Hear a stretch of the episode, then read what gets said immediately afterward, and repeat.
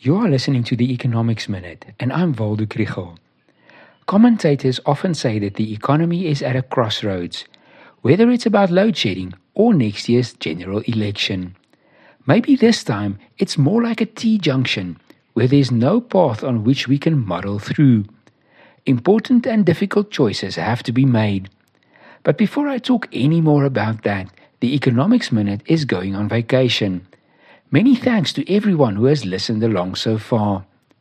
A daily broadcast does not happen easily, and I want to say a special word of thanks to Christine for her inputs and patience with the minute throughout the year.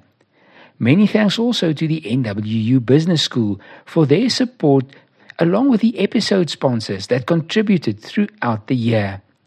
The episode notes provide a more complete list of acknowledgement for all those who use and support the minute. Best wishes for the new year, everyone.